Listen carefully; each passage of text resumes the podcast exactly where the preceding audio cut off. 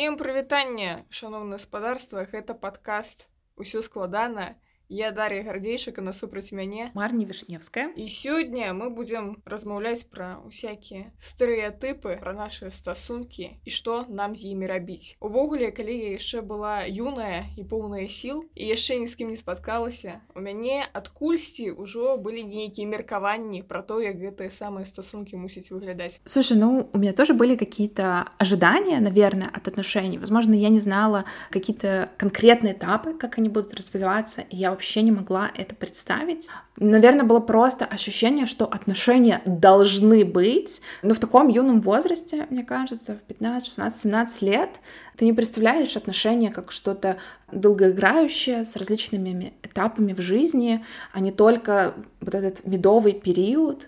Ты не можешь представить себе, что вы уже взрослые люди, у вас есть собака и квартира в Новой Боровой. Ох уж гэты Мінсукі, бы только кватэру ў Новай Баравой. Не, ну у меня вообще-то в Минском мире. А.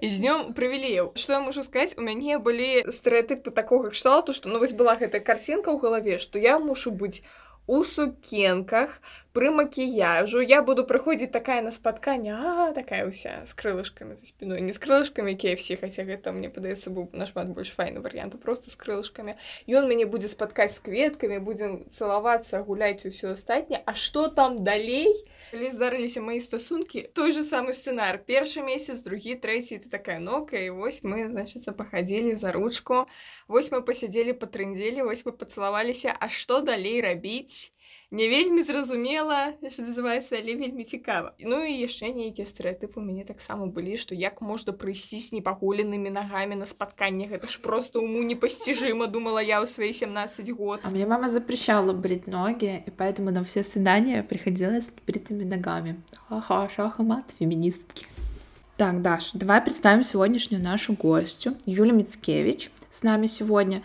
Вообще, Юля, мы знаем, что ты в отпуске. Расскажи немножко про себя, какие у тебя сейчас идентичности, как у человека отдыхающего.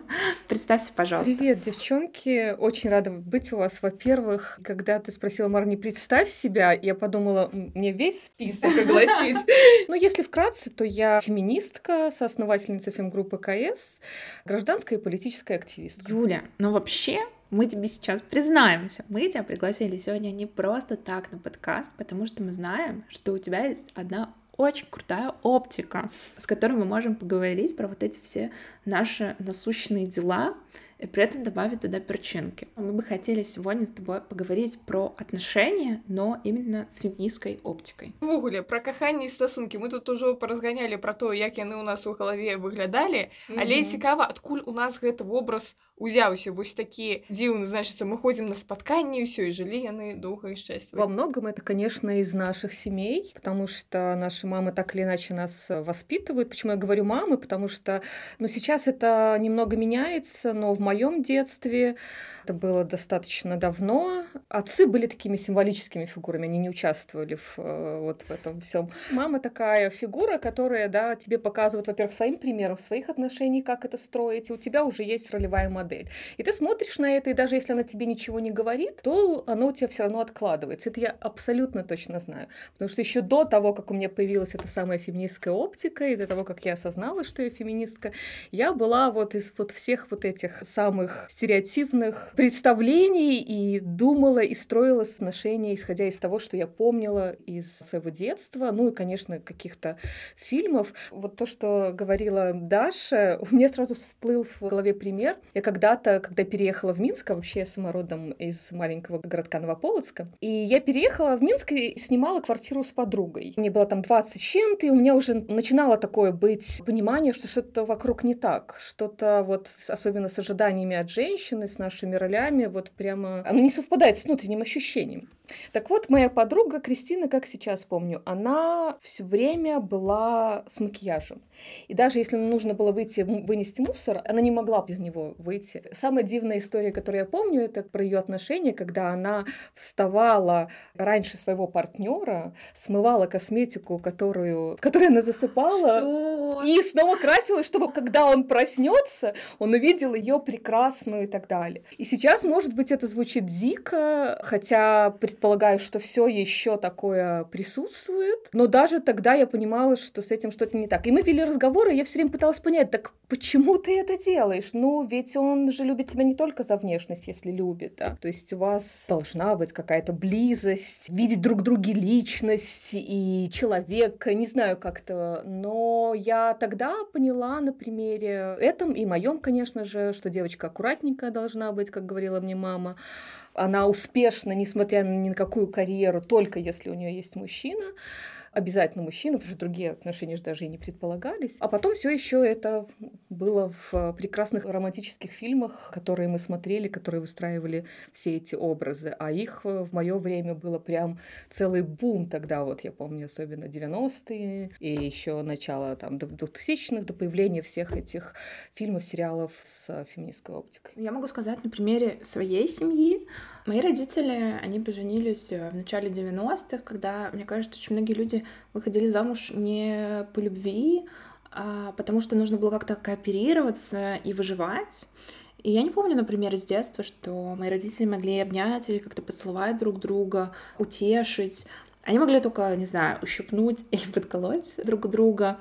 И я смотрела на это, и мне казалось, что вот мне казалось, что когда вырасту, и у меня появится партнер, появятся первые отношения или не первые, я им покажу вот как надо, чтобы люди любили друг друга и были в отношениях, а не только ссорились и проявляли друг другу какие-либо абьюзивные паттерны. И на самом деле самая большая проблема в том, что ты смотришь на эти все подростковые сериалы в детстве, фильмы, где парень и девушка встречаются, и у них же сначала какие-то супер непонятные отношения, они еще не в отношениях, они просто целый фильм, полтора часа решают, как им быть вместе, и вот когда они уже договариваются об этом, что они вместе, случается to be continued. Ніхто не знае, што за этой фразы to be continued. Менавіта вось такая ж яны дамовіліся а прышпіла там што ніхто асабліва не дамаўляўся Не, ну они же поцеловались, они же скрепили этот союз своими губами. А потом ты вырастаешь, и до тебя доходит, что вось вы пацалаваліся і ты такая ну мы напэўна у стасунках мы ж пацалаваліся а да другога боку гэта вось неяк не дайшло напэўна там чувак не глядзеў может у ромео и джульетты ці што і для яго пацалуй нічога не значыць Ну и социализировался он как парень и как мужчина совершенно по-другому. И поэтому этот поцелуй для него может вообще действительно ничего не значить. И он может считать, что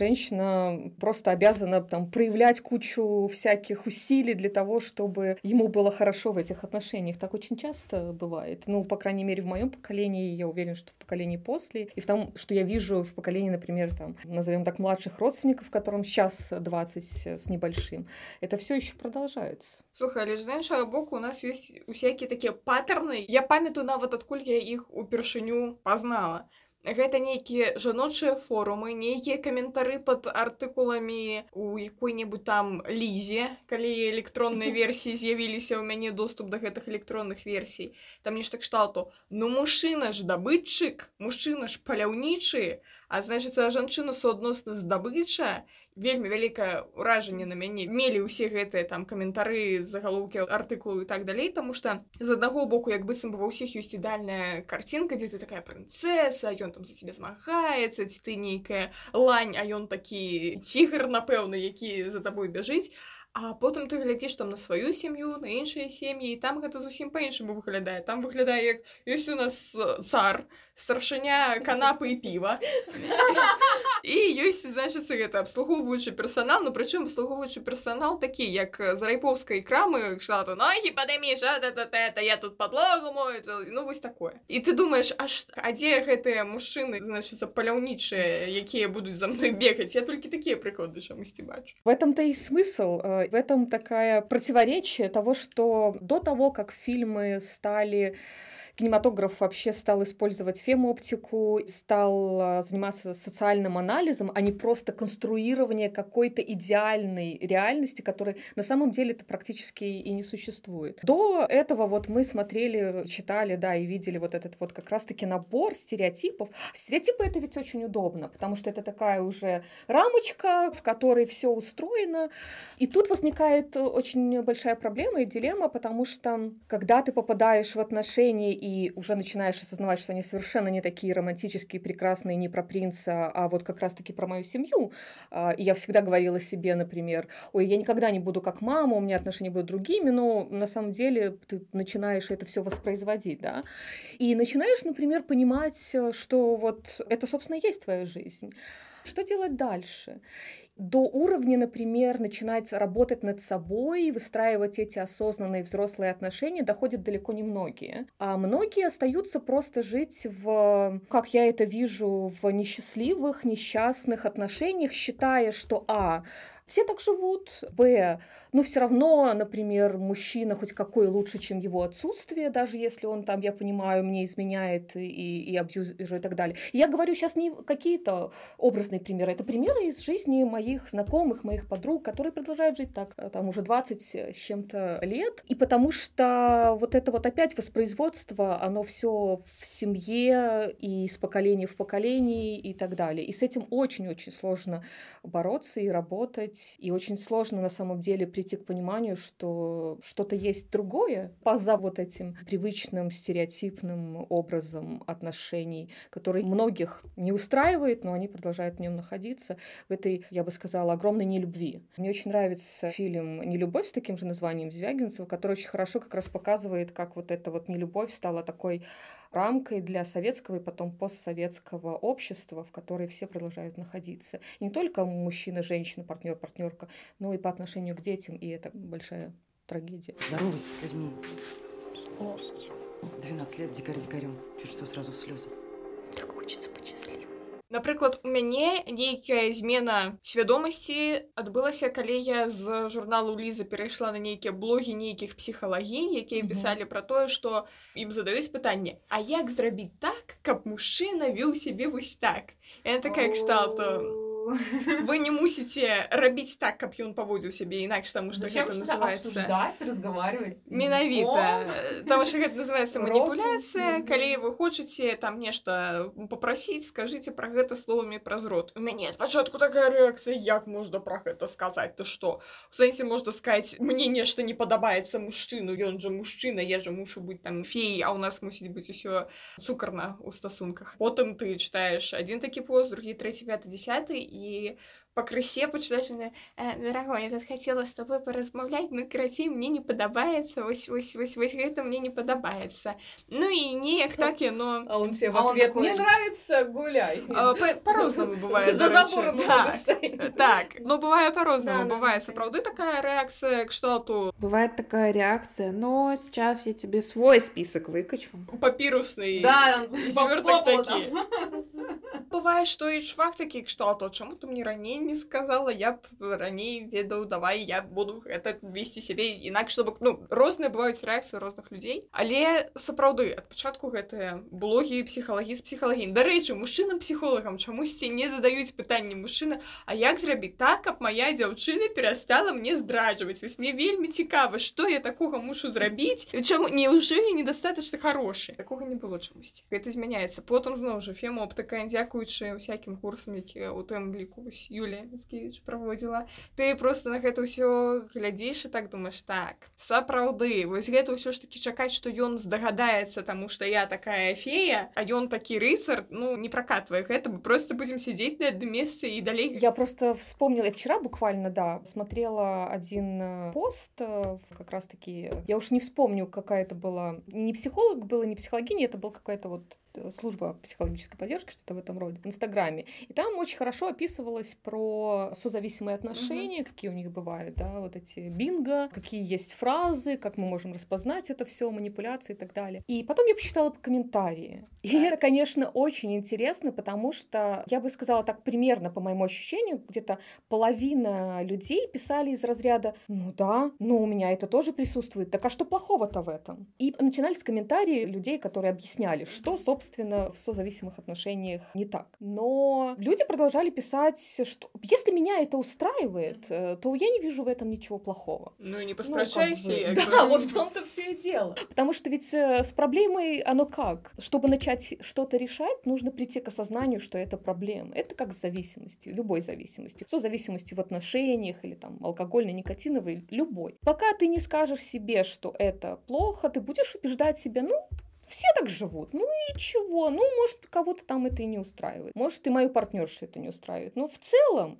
почему нет? Еще там претензия была, что вот это все ваша западная психология, сейчас промываете нам мозги. На самом деле люди поколениями у нас там жили, предположим, в России, Белоруссии, Украине и так далее. И нам, собственно, с этим хорошо. И зачем всем заниматься? И вообще рассуждать про отношения, если это очень лично. Мне асабліва смешна па-першае што людзі неяк падзяляюць на заходнюю псіхалогію усходнюю псіхалогію не ведаю паўночную паўднёвую быццам бы навука яна паўсюль адзіная але я не ведаю неяк пра астрафізіку заходнюю ніхто не кажа чамусьці па-першае па-другое вось гэты прышпел кшталту чаго вы нас вучыце намі так нармальна ну як бы ну калі табе нармальна то і не чытай псіхалагічныя блогі у чым пытанне ты не мэтавая аўдыторыя значыць раз табе нармальна я зараз успомніла вось да пытання да сузалежных адносінаў да паттернаў і, і расійская кінематографа я успомніла як мы з маці упершыню глядзелі Москва слезам не верит О, Вось.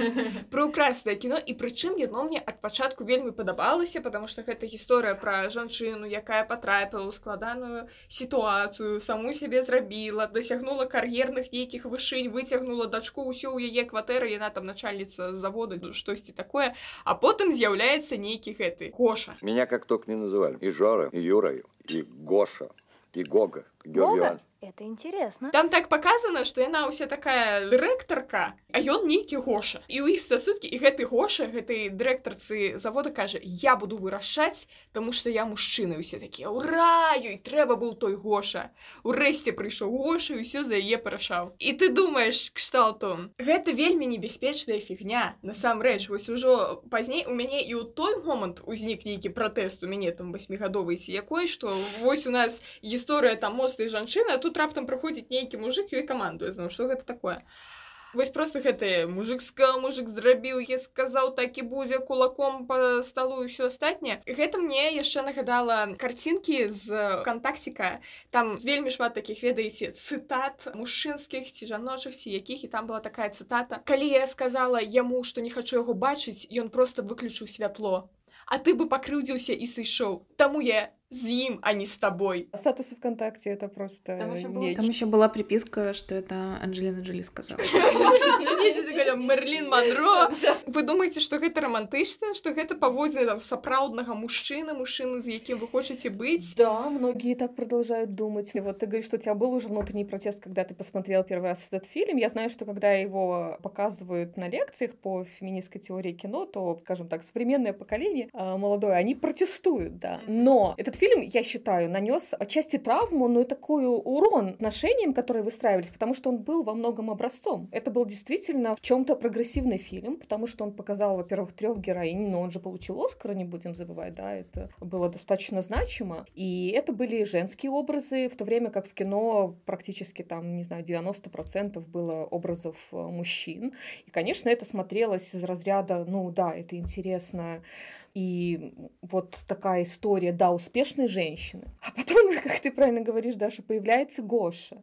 Он э, делает эти заявления, и, и не только эти, он говорит о том, что у него там нет никаких недостатков. По факту, вот если мы разбираем, это значит, э, там, по-моему, около 40 с чем-то ему, Он живет в коммуналке, он, очевидно, выпивает, потому что он уходит в запой, когда они расстаются. Он не может пережить никак, в принципе, принять тот факт, что женщина может быть успешнее него, уже говорит о том, что что-то, наверное, не так, да, с собственным восприятием, потому что ты же как бы чаще всего, когда с человеком строишь отношения, в зеркалом разговариваешь. И это в первую очередь твое непринятие это, другого, это непринятие себя ее поведение в этот момент, да, и весь фильм, он как бы построен, что она ищет этих отношений с мужчиной, потому что, несмотря на работу, карьеру и так далее, она вот одинок. Появляется Гоша, который заменяет прямо все, хотя, ну, очевидно, как сегодня бы мы сказали, что это просто такой абьюзер стопроцентный, манипулятор к тому же, и который за ее счет пытается как себя в собственных глазах реабилитировать, потому что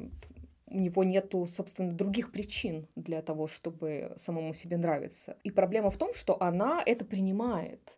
И она воспринимает это как данность. И она как бы вот радуется. Когда он уходит на время, она прямо там свет э, клином сошелся. Все, это трагедия жизни. И это все как раз-таки вот про то, что я говорила в начале, о том, как выстраивался вот этот вот образ, что для того, чтобы тебе быть успешной, в кавычках, обязательно должен быть этот партнер рядом, который будет твою эту успешность как бы демонстрировать для других. Поэтому мы часто слышали и там читали, вот я помню все эти, кстати, кстати, журналы еще того позднесоветского и уже пост там, советского периода, которые прямо так и писали, давая советом женщин, как им найти мужчину и что надо делать, чтобы понравиться и удержать. Главное было не просто найти, но обязательно удержать. И вот э, фильм э, вот «Москва слезам не верит», он тоже об этом, и вот эта вот фраза коронная, что я буду решать только потому, что я мужчина.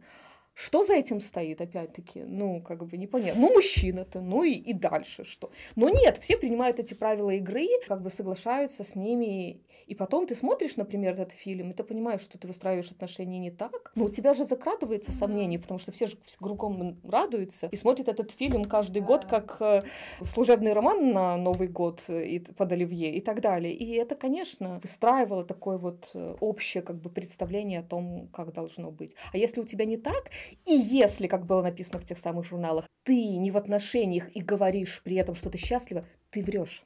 Обязательно врешь, так не бывает. Так вот в каждой статье, особенно даже вот в этих первых молодежных, таких, казалось бы, продвинутых, я уж не помню их названий, эти статьи, они все, все были. А дальше это продолжалось, я не знаю, вы, наверное, не смотрели, но я как раз-таки для социального анализа какое-то время смотрела проект «Дом-2» есть это, это прекрасный да, просто да, да. антропологическо-социальный анализ, как общаются люди и, и как опять-таки выстраивается вот этой вот иерархии в отношениях, роли, ожидания друг от друга и как накладываются какие-то там негативы на женщину, если она не соответствует. И на мужчину это совсем там не касалось. Так, а это проект, простите, какого времени? Ну, там совсем недавний, я не помню, там пять лет назад он еще шел, или сколько. И там ведь были молодые люди, да, то есть да, это же да. не бабушки наши с дедушками, не, даже не родители и так далее. Но в «Доме 2», кстати, там еще и очень сильно был вот этот вот культ внешности. Модельный, определенный, в который женщина должна была быть втиснута обязательно. Мужчины позволяли там себе быть абсолютно любыми. С разными размерами, с разной степенью какого-то абьюза, грубости, агрессии, которую они проявляли и так далее. Очень показательно. Вспоминаю все подростковые журналы, типа Элигиол или Лиза. И там же все выпуски, они были посвящены отношениям. То есть там буквально одна или две статьи там, про школу или про какие-то увлечения, а все остальное посвящено отношениям. Как одеться на свидание, что сказать на свидании, как понять, нравится ли тебе парень, нравишься ли ты ему, и так далее. И при этом это всегда одна модель отношений, гетеросексуальная, э, другие модели даже не рассматривали. Потом уже стали появляться какие-то альтернативные, я помню. Вот я даже в свое время, мы выпускали, выходил недолго, там, наверное, только три номера, у нас был журнал «Табу», мы выпускали да. его еще с организацией Лямбда, в которую я пришла. Был такой ЛГБТК плюс квир-журнал, где мы как раз пытались вот это вот все деконструировать и показать, почему это на самом деле не работает или приносит очень много вреда, особенно тем, кто уязвим во всех этих отношениях. Да, Например, моя мама очень жестко контролировала мою сексуальность. Это делали очень много матерей, Да. моих подруг в том числе, что означало, что, ну, вот у меня, например, тоже стали появляться, ну, не мальчиками, с которыми я встречалась, но просто мы дружили, да, мы там ходили вместе куда-то на горку. Мне было там лет 13, но мама это все пресекала очень Да. сильно, потому что отношения, да, должны быть, понятно, с мальчиком, с парнем потом, но отношения должны быть правильные, ну, вот в, в Правильно. такие, в кавычках, да. То есть там, чтобы вот эти вот все фразы, которые вы, возможно, не слышали, но я очень хорошо помню, чтобы, не дай бог, в подоле не принесла. Да, Ну, то такое. есть, Но мне моя мама э, такого не говорила, но я слышала это, ну, когда я приходила к подружкам, типа, и прочее, то есть они тоже что-нибудь рассказывали. То есть ты обязательно должна была быть чистой такой, да, Да, то есть, ну, до определенного возраста точно. Отношения тоже должны были выстраиваться в той их романтической, как бы, Уже штуке, которая была у них в голове. Но прикол был именно в том, что она у них не была такой. И когда я уже подрастала, например, моя мама, ну, понимая, что я уже как бы взрослею, я взрослый человек, и на каких-то, например, там совместных э, встречах родственников начинала признаваться в каких-то вещах, что они делали, будучи молодыми. И это было совсем не как бы невинно, как оказывается. До определенного возраста, да, вот этот вот контроль тоже над сексуальностью женщины, в смысле, если у тебя дочка, они вот тоже передавались из поколения в поколение и выстраивались таким образом, что ты, да, аккуратненькая должна быть во всех Ну, Вообще про сексуальность и отношения с родителями. Я не помню, чтобы я когда-либо с моей мамой, ну, тем более уж со своим отцом, говорила про секс, про какие-то, например, сексуальные переживания мои в детстве или когда-либо. Вот. Но я думаю, мои родители, моя мама знала то, что я занимаюсь сексом. Мне было уже лет 18, и мне кажется, она понимала про это, что я была в различных отношениях. Но мы никогда это с ней не обсуждали. Но я знаю на примере своих подруг, то, что некоторые из них мне рассказывали, они уже были в возрасте 23-25 лет. Родители как-то противостояли, чтобы девушки съезжались с их партнерами, потому что, ну, как-то так, секс до брака или жизнь до брака. Кринжа хватает. Это все равно не разговоры ни про секс, ни Не-не-не, про не сексуальность, вообще. ни про отношения, ни про что. Это вот, да, уровень запретов, как будто бы это подействует. Чтобы вот я сказала, значит, ты должна так делать, потому что правильные девочки правильные Вот в том смысле, как это подается, они вот так поступают. Просто думаю, што мне нашмат прасцей, таму што моя маці выйшла замуж таму, што яна зацяжарыла і яны мне з бацькам заўсёды адкрыта казалі я аднойчы Не делай так. Ну не просто яны адкрыта казалі пра тое, што так было я калісьці ў іх запытала А вы павогуле пажаніліся калі маці не зацяжарыла і яны такія не мы просто разам жылі Ну мы так і планавалі рабіць але ну просто твой дзед бы нам жыцця не даў таму мы распісаліся В определенный там период, например, и вот в поколении моих родителей было довольно часто принято жениться не по любви, ну, если вы просто нравитесь друг другу, потому что экономически так было выгоднее удобнее. Так проще было, например, там встать на очередь на квартиру, получить эту квартиру. Поэтому действительно отношения часто строились не на взаимных чувствах, люди просто не разговаривали друг с другом, и, соответственно, в семье это не было принято. Не говорить, не обсуждать, не действительно договариваться, не быть на равных. И во многом тогда, и я думаю, что и сейчас, эти отношения действительно в Беларуси большое количество отношений строится по созависимому принципу. Мне лично нравится концепция партнерских отношений, ну, когда это реально отношения, когда вы тоже в них вкладываетесь, а не просто выживаете, чтобы вам так было легче. Например, как в начале 20 века были распространены бостонские браки среди женщин, когда две женщины жили вместе и содержали одно домашнее хозяйство, при этом они были подругами, они договаривались о чем-то, они просто были сожительницами. И мне кажется, это дает нам вообще какой-то спектр понимания того, что отношения могут быть разными, потому что есть разные люди, есть, например, асексуальные или аромантичные люди, и, возможно, им не нужен секс или романтические отношения, но при этом они могут жить в партнерстве, и если им комфортно в этих отношениях, то это очень классно. И это дает нам понимание, что отношения могут быть разные, и пути их построения могут быть разными. Главное, чтобы все себя чувствовали на своем месте. Отношения это работа. Ты вкладываешься туда, и ты не можешь говорить своему партнеру, что вот только он э, должен расти над собой или как-то меняться. В целом говорить взрослому человеку, что он должен меняться, это как-то очень странно для меня, честно говоря, потому что ты начинаешь встречаться с каким-то человеком, и ты уже видишь определенные привычки и так далее. Далее. Но вы, конечно, можете расти в этих отношениях, договариваться, идти на терапию, если у вас не получается что-то сделать без посредника. Но в любом случае это же про уважение, какую-то взрослость, а не инфантильность, про осознанность. Если вы принимаете, например, решение, совместное решение, опять-таки, после договоренности, что вы расходитесь, то это не трагедия вы можете оставаться в другом типе отношений, да. Так работает это не только там в каких-то романтических случаях. Для меня так это работает и с друзьями, подругами, и в целом и на работе. В целом, вот ты говорила, Марни, про разные типы, да, партнерства, отношений и так далее. Это здорово, что сейчас все это возможно, и об этом можно говорить открыто, но ведь все равно мы все еще живем в мире, патриархатном. маленькая часть всего лишь. Да, да, да, да, это очень маленькая часть. Есть огромное море неприятия этого, потому что очень удобно, как я и говорила, вкладываться в какую-то одну рамку и не выходить за нее, потому что тогда не нужно делать никаких усилий.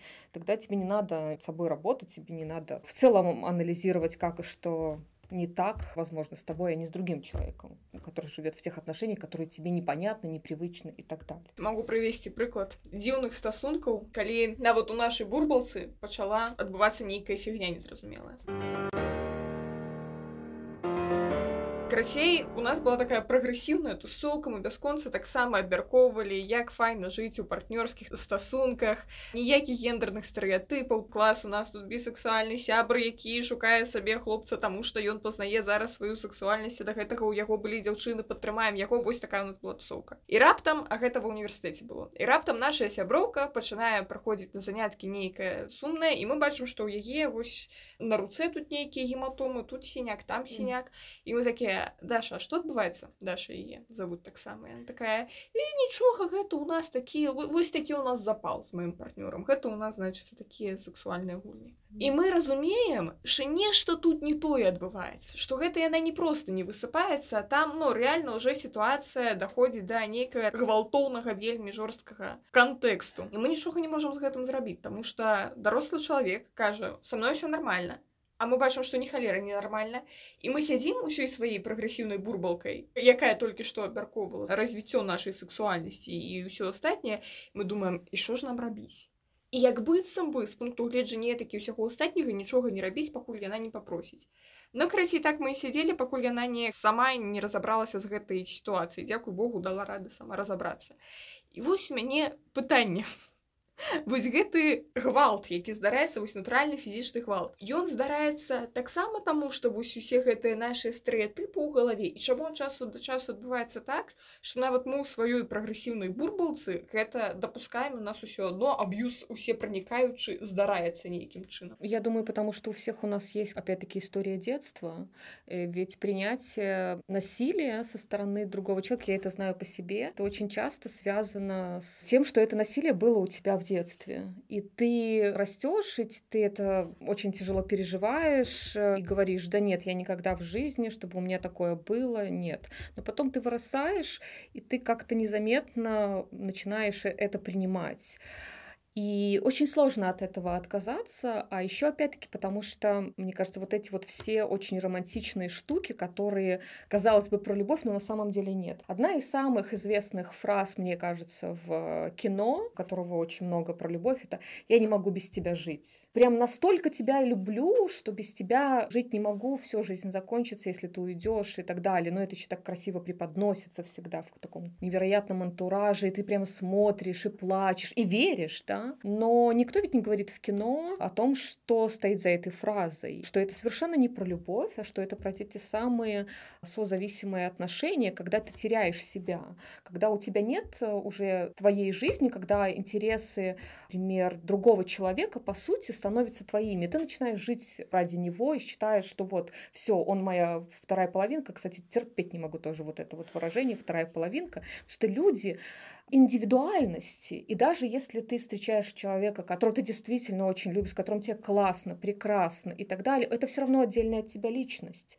Если вы строите взрослые, адекватные отношения, то вы это понимаете, что вы не можете требовать от своего партнера или партнерши, как у нас это тоже часто бывает у моих там друзей, подруг, особенно когда вот мы росли вместе, я это наблюдала ты не можешь э, пойти никуда со своими подругами, потому что они мне не нравятся. Девушка такая понимает, что что-то нифига не прекрасно это звучит, и говорит, что ей это не нравится, но говорит это нам, а потом объясняет сама себе, ну, с другой стороны, зачем я буду его злить? Ну, да, не нравится ему мои подруги, но ведь и все так начинается. Сначала не нравятся подруги, потом не нравится там твое поведение. Сначала я на тебя наорала, потом я тебя ударю.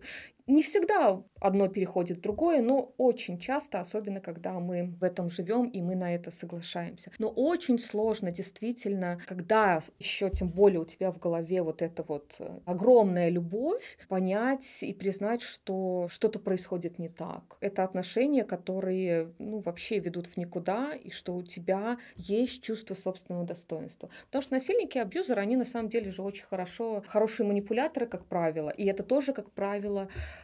дети тех же самых родителей, которые применяли к ним насилие, и они вот такие росли и думали, да я никогда не буду как мой папа, который бил маму или бил меня. Нет, я вот вырасту и буду другим. Иногда так случается. Но чаще всего и статистика исследования показывает, что это потом все равно воспроизводится. И поэтому есть такая теория, что в отношениях абьюзера и жертвы, которые исполняют эти роли, я имею в виду, пострадавшие обе стороны. В том смысле, что тот, кто проявляет это насилие часто неосознанно это делает, ему тоже нужна помощь, что отнюдь, конечно же, не исключает его ответственности, то, что должно быть определенное за это наказание и так далее. Но вот большая проблема, мне кажется, в нашем обществе, что это очень часто и до сих пор подкрепляется вот этой вот историей про любовь. Или истории про то, что в целом это не так уж плохо. И это, кстати, не только про нас. Я прочитала недавно статистику, и, честно, я была в шоке. Вот не помню там досконально цифры, но согласно последнему исследованию ООН, кажется, там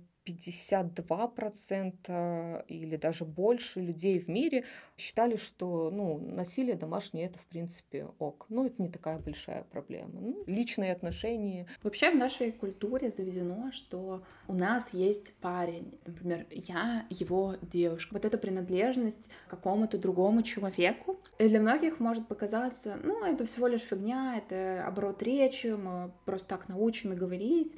Но на самом деле очень часто люди манипулируют этим этим. Например, ты моя девушка, я не хочу, чтобы ты ходила, встречалась, гуляла с какими-то своими друзьями, парнями, или, например, ты моя девушка, я хочу знать, где ты и так далее, и потом мы часто попадаем в созависимость э, с другим человеком, и это всегда начинается с таких маленьких-маленьких шажочков. Это очень засасывает, я могу сказать по себе, потому что такая личная история. Мой муж в определенный момент, эм, у него случилась проблема, ну, собственно, болезнь, потому что алкогольная зависимость — это болезнь. И, конечно, это очень сложно принять, поскольку ты живешь с человеком, ты его знаешь, ты видишь, какой он там добрый, прекрасный и так далее, но эта болезнь очень меняет человека, и появляется вот эта вот ревность абсолютно беспричинная, появляется агрессия, появляется, в общем-то, в какой-то степени абьюз. У меня, к счастью, не было физического насилия с его стороны, но был, скажем так, психологический. Но опять-таки включается вот это вот, она откуда-то у нас берется, особенно, говорю, да, как есть, если история из, какого, из детства,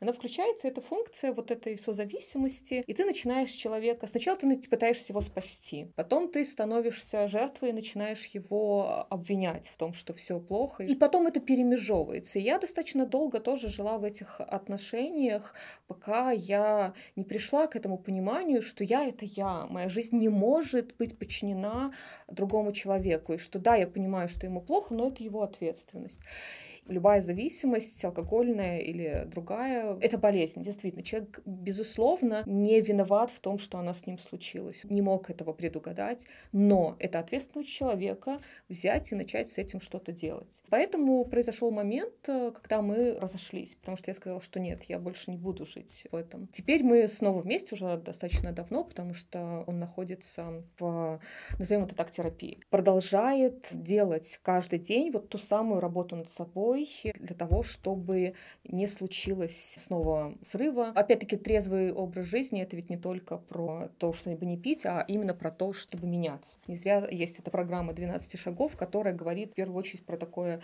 духовное, скажем, перерождение, да, про то, чтобы делать определенные вещи, определенные шаги, как от этого избавиться. Но я хотела еще продолжить вот тему, как об этом говорить. Потому что я помню два случая. Одна моя подруга прислала мне на день рождения, написала мне, значит, значит, что я вот такой тебе подарок отправляю. И там ссылка была. Опять-таки на какой-то вот журнал из разряда про отношения мужчин и женщин и так далее. И там была статья, и в ней была такая фраза, что если вы продолжаете находиться в такого рода отношениях с человеком, у которого зависимости, то вы дура и сама виновата. Вот прям таким текстом, да. Ну и там дальше объяснялось, почему. И я спросила, а зачем ты мне это прислала? Это было настолько для меня про нарушение моих границ. Даже если предположить, что это правда, я там типа сама виновата, хотя нет, все равно это было, ну, очень э, Корректно. мягко говоря. Я сказала об этом и сказала, почему мне это неприятно, почему мне это не нравится. И мы перестали общаться. А вторая моя подруга, видя все это, просто попыталась со мной поговорить, и она задала мне вопрос, который меня действительно очень так вот вернул, можно сказать, в чувство. Она спросила, Юля, а где ты в этих отношениях? Она попыталась как-то поговорить со мной, не обвиняя, ничего не говоря, но вот как бы вернув мне вот эту вот уверенность во мне и мое чувство собственного достоинства. И это было очень э, действенно, я хочу сказать. И это всегда, знаете, вот про бережное отношение, про, про такое заботливое. Когда оно есть со стороны друзей, оно, как правило, действует. Хотя не сразу тоже мы можем много говорить со своими друзьями, видя, в какой беде они находятся, это не может не сразу подействовать. Но главное пытаться это делать, потому что это действительно очень важно. І бярыце на аловак шаноўнае спадарства што вось гэтае пытанне дзе-то ў гэтых стасунках яно сапраўды вельмі дарэчнае таму што часта у вас размовы з вашымі сяброўкамі якія ў нейкіх складаных стасунках знаходзяцца яны ўсе пераўтвараюцца ў нейкі бясконцы псіхааналіз вадзіма мішы дзяніскі і каго заўгодна яшчэ пра то якое у яго было складанае дзяцінства які ён увесь траўмаваны И, и см- и жить без тебя не И сможет. жить без да, тебя да, не как сможет. раз Типа, таки. Поэтому надо, з- м- надо его, младенца, сп- да, надо его младенца. спасать э, Согласна. обязательно. Опять-таки брать на себя эту роль спасительницы. Да. Для таго, каб ратаваць у нас ёсць міністэрства надзвычайных сітуацый. Вось телефон 101. Я мушу яшчэ сказаць, што калі нас раптам слухаюць мужчыны, то яны напэўна могуць сказаць А ў мяне таксама была сітуацыя, калі майго сябра вось там партнёрка таксама нікуды не адпускала, казала не не пойдзеш ты са сваімі сябрамі там кудысьці, раўнавала да яго сяброўкі. Вы ж бачыце, мужчыны таксама церпяць ад гвалту. Што не так будзе з гэтым сцвярджэннем? Ну, в общем-то, все так. Ну, в том смысле, что мужчины, да, тоже находятся часто в отношениях э, насилия, по от- которое к ним применяется. Ну, во-первых, намного, намного реже, чем женщины, потому что они менее зависимы в силу всего того, что мы уже здесь перечисляли, особенно всех этих социальных, стереотипных паттернов конструкции и, и так далее. Во-вторых, э, нужно понимать, что насилие — это часть этой самой патриархальной системы, системы, которая построена на мужской власти, доминировании и так далее. А это значит, что это все равно воспреди- воспроизведение вот этих всех штук. И, как правило, насилие, оно ведь проявляется не только в семье, но и в каких-то мужских гомогенных там средах, например, в, в армии, да. И в любом случае это вот часть этой конструкции. Поэтому, когда вы говорите про насилие, то, что оно к вам применяется, нужно понимать, э, откуда берутся корни этого. Но и опять-таки, если вы понимаете, будучи мужчиной, что если вы так говорите, значит, вы уже понимаете, что есть проблемы. Тогда, наверное, стоит поговорить с вашей партнеркой и решить, э, как вам закончить эти отношения, если вы в них несчастны. Ідэальная парада. Мужчыны таксама бярыце на аловак. Как вообще феминистская оптика, ну, понимание вообще про все вот эти ужасы патриархального мира и как на нас это влияет, как это нам помогает или не помогает строить отношения романтические? Но я здесь, наверное, могу говорить только за себя. За себя говорим. Мы тут все за себя говорим. Э, Но мне очень помогает, потому что как раз-таки феминистская оптика дала мне понимание, когда я стала вот заниматься этим, и особенно когда я училась в гендерной магистратуре и читала много научных исследований гендерных, и потом сама их делала, как раз-таки выйти из этой коробки и посмотреть на, на причинно-следственные связи. Почему происходит так, как происходит. Не верить в то, что женщины по природе своей такие лучше моют посуду, как будто бы мы это гениталиями делаем, да. Понимание того, откуда что берется, какую историческую перспективу имеет и что мы можем с этим делать, оно мне помогает в том числе и в отношениях. Для меня феминизм ну, помимо того, что это про социально-политические движения, но это как раз-таки про вот эти вот ценности, это про полную деконструкцию каких-то властных иерархий. Это не значит, что мы вот в феминистском сообществе, в нашем комьюнити, вы это знаете, прям вот все до основания разрушаем. Но мы как минимум пытаемся, да, мы пытаемся выстраивать горизонтальную коммуникацию, какой-то новый тип лидерства, например, и пытаемся строить эти отношения на этом принципе взаимного уважения, равноправия, того, чтобы слушать друг друга и слышать, того, чтобы быть эмпатичными. Вот в этом феминистском окружении всегда я научалась в свое время как раз-таки проговаривать все эти вещи. И вот то самое говорить как бы ротом, да, садиться и высказываться, и говорить с я позиции, например, почему я злюсь, там, я недовольна, или почему я чувствую себя задетой, обиженной и так далее.